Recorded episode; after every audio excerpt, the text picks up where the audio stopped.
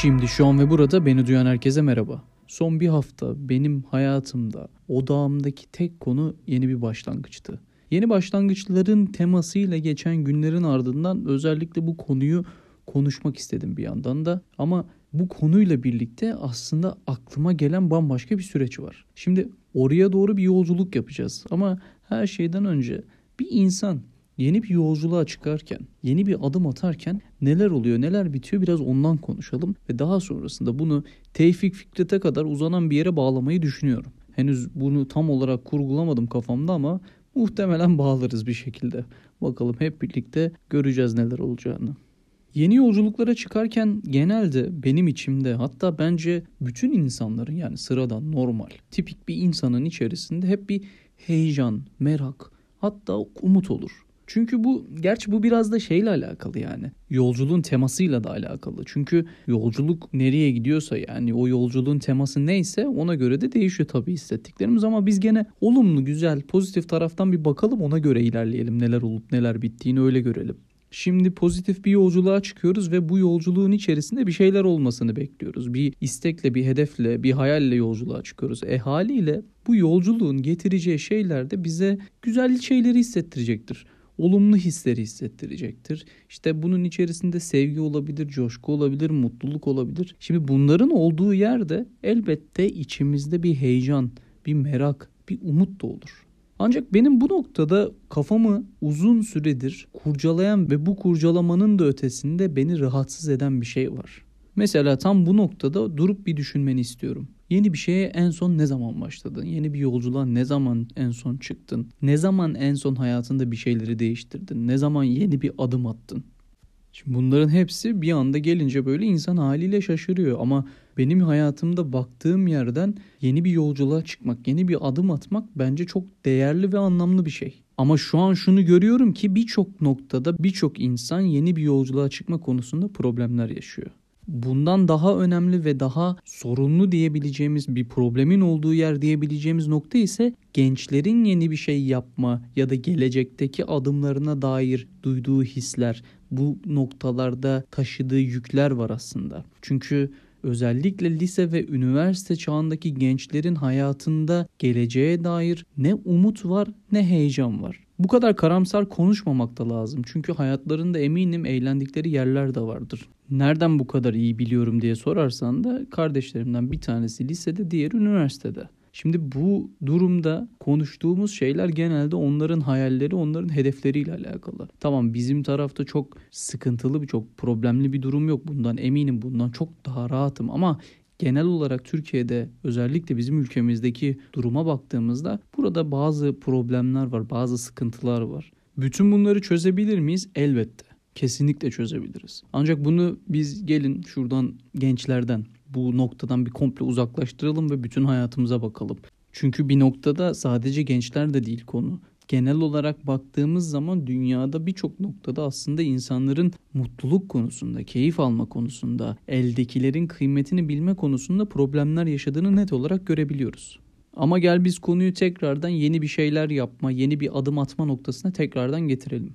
Şimdi yeni bir şey yapma, yeni bir yolculuğa çıkma noktasında söyledim yani umut, heyecan, merak duygularını hisseder genelde insan diye. Ama bunları tetikleyen de bir şey var tabii. Bunların oluşmasını, ortaya çıkartmasını sağlayan bir şey var benim gözümde. Onun adına da hayal diyoruz aslında. İşte hayal kurmanın gücü bu noktada önemli. Ne kadar doğru, ne kadar yanlış bilmiyorum gerçekten söylemiş midir ama Einstein'ın çok sevdiğim bir sözü var. Benim beynimin normal insan beyninden tek farkı daha fazla hayal etmesidir. Şimdi bu söz bana hayatımda hep ilham veriyor. Çünkü niye? Hayal kurmanın ne kadar önemli olduğunu çok önemli bir insandan duymuş oluyorum. Ancak bu noktada yaşadığımız problemlerin arasında ne kadar hayal kurabiliyoruz biraz da onu konuşmak gerekiyor. Az önce anlattığım noktada gençlere hayal kurdurabilmek mesela çok zor. Niye? Bazısı okul masraflarını ödeyemiyor. Bazısı kitaplarını alamıyor. Bazısı sevdiği bilgisayarı alamıyor. Bazısı dışarı çıkıp gezemiyor. Bazısı hayalini kurduğu herhangi bir şeyi bir şekilde yapamıyor.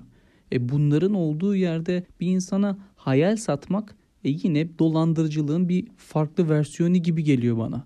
O yüzden genel duruma baktığımız zaman şöyle bir nokta da var aslında. Karnı aç olan bir insan çok da farkındalığını yükseltemez ya da hayatınızda karnınızı doyurmak, barınmak gibi böyle temel ihtiyaçlarınızda problem varsa çok daha öteye gidemezsiniz. Ve bunu da Maslow zaten ihtiyaçlar hiyerarşisinde çok güzel bir şekilde göstermiş.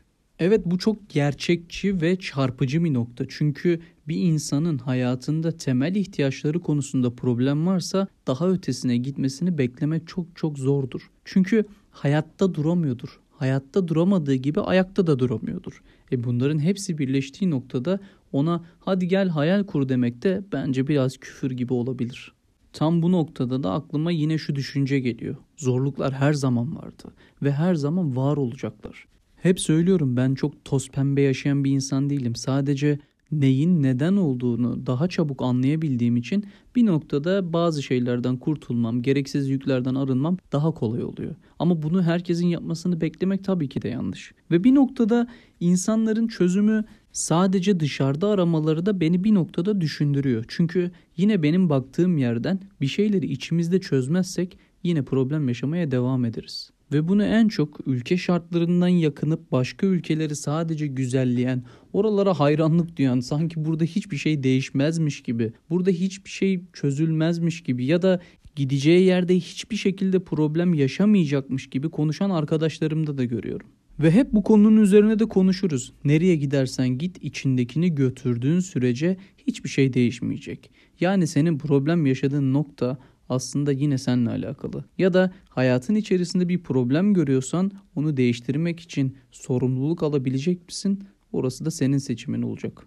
Elbette herkesten toplumsal bir dönüşüm beklemek çok doğru değil. Çünkü herkesin böyle kaygıları yok. Herkes insanlığa dair, dünyaya dair bir şeyler yapmak istemiyor. Bunu da anlayışla karşılıyorum. E hal böyle olunca tamam git istediğin ülkede ya da istediğin yerde ya da istediğin şekilde yaşa. Bunu diyebilecek hiçbir şeyim yok gerçekten. Ancak ben bu noktada biraz daha farklı düşünüyorum. Evet, nereden baktığımıza göre değişebilir ama bizden belki de ekonomik olarak ya da kültürel olarak daha farklı şartlarda yaşayan birçok ülke olabilir. Oralar çok daha cazip seçenekler olabilir. Bizim geçmişimize ya da bulunduğumuz coğrafyaya baktığımız zaman bana çok ilham veriyor. Anadolu, Kuzey Mezopotamya, insanlık tarihinin başladığı yerden bahsediyoruz icatlar, yazı, onlarca, yüzlerce belki de binlerce medeniyet, onların ortaya koydukları, birlikte oluşturdukları, icat edilen şeyler, ortaya çıkan karmaşık kültür. Bunların hepsini düşündüğüm zaman ben gerçekten çok heyecanlanıyorum. Ülke tarihine baktığımızda da Kurtuluş Savaşı dönemindeki şartlara bakıp ardından kazandığımız zaferi göz önüne aldığımız zaman gerçekten çok başka bir şey olmuş oluyor. Ve evet az önce söylediğim yere geliyoruz. Zorluklar hep vardı hep de var olacaklar. Biz zorluklara bakış açımızı kendi içimizde değiştirmediğimiz sürece onlar bizim için çözülebilir bir noktaya gelmeyecekler. Ben bu bölümü kendi hayallerinin peşinden giden, kendi hedeflerinin peşinden giden kardeşlerime adamak istiyorum. Bu zamana kadar yaptıklarıyla beni ve ailemizi her zaman gururlandırdılar ve bundan sonrasında da eminim bunu yapmaya devam edecekler. Ve onlara bir şey armağan etmek istiyorum benim hayatımda çok önemli ve çok değerli yeri olan bir şiir. Tevfik Fikret'in oğlu Haluk İskoçya'ya eğitim almaya gittiğinde Fikret bu şiiri onun için yazıyor. Ve oradan çok kısa bir şey okumak istiyorum. Bu geçit işte böyle dar, eğri. Ey sevinçli yolcu, sen geç, yürü. Sen bu konakta kalma, sıçra, atıl. Bir ışık kervanı bul ve katıl. Gez, dolaş, gör düşüncelerin evrenine.'' Her zaman yukarı, her zaman ileri. Can atarak, güçten ve yaşamaktan ne bulursan al, bırakma. Bilim, sanat, güven, özen, yüreklilik, umut hepsi gerekli bu yurda. Hepsi yararlı. Bize bol bol ışık kucakla getir. Düşmek çevreyi görmemektendir. Hoşça kal ey sevimli yolcu. Gecen, gündüzün her zaman yüzün gibi şen, Temiz ruhun kadar güleç olsun. Geçtiğin yer çiçek, çimen olsun. Hoşça kal ey onurlu yolcu. Hayat bir karış yol. Ama olaylar, yokuşlar onu her gün biraz büker uzatır.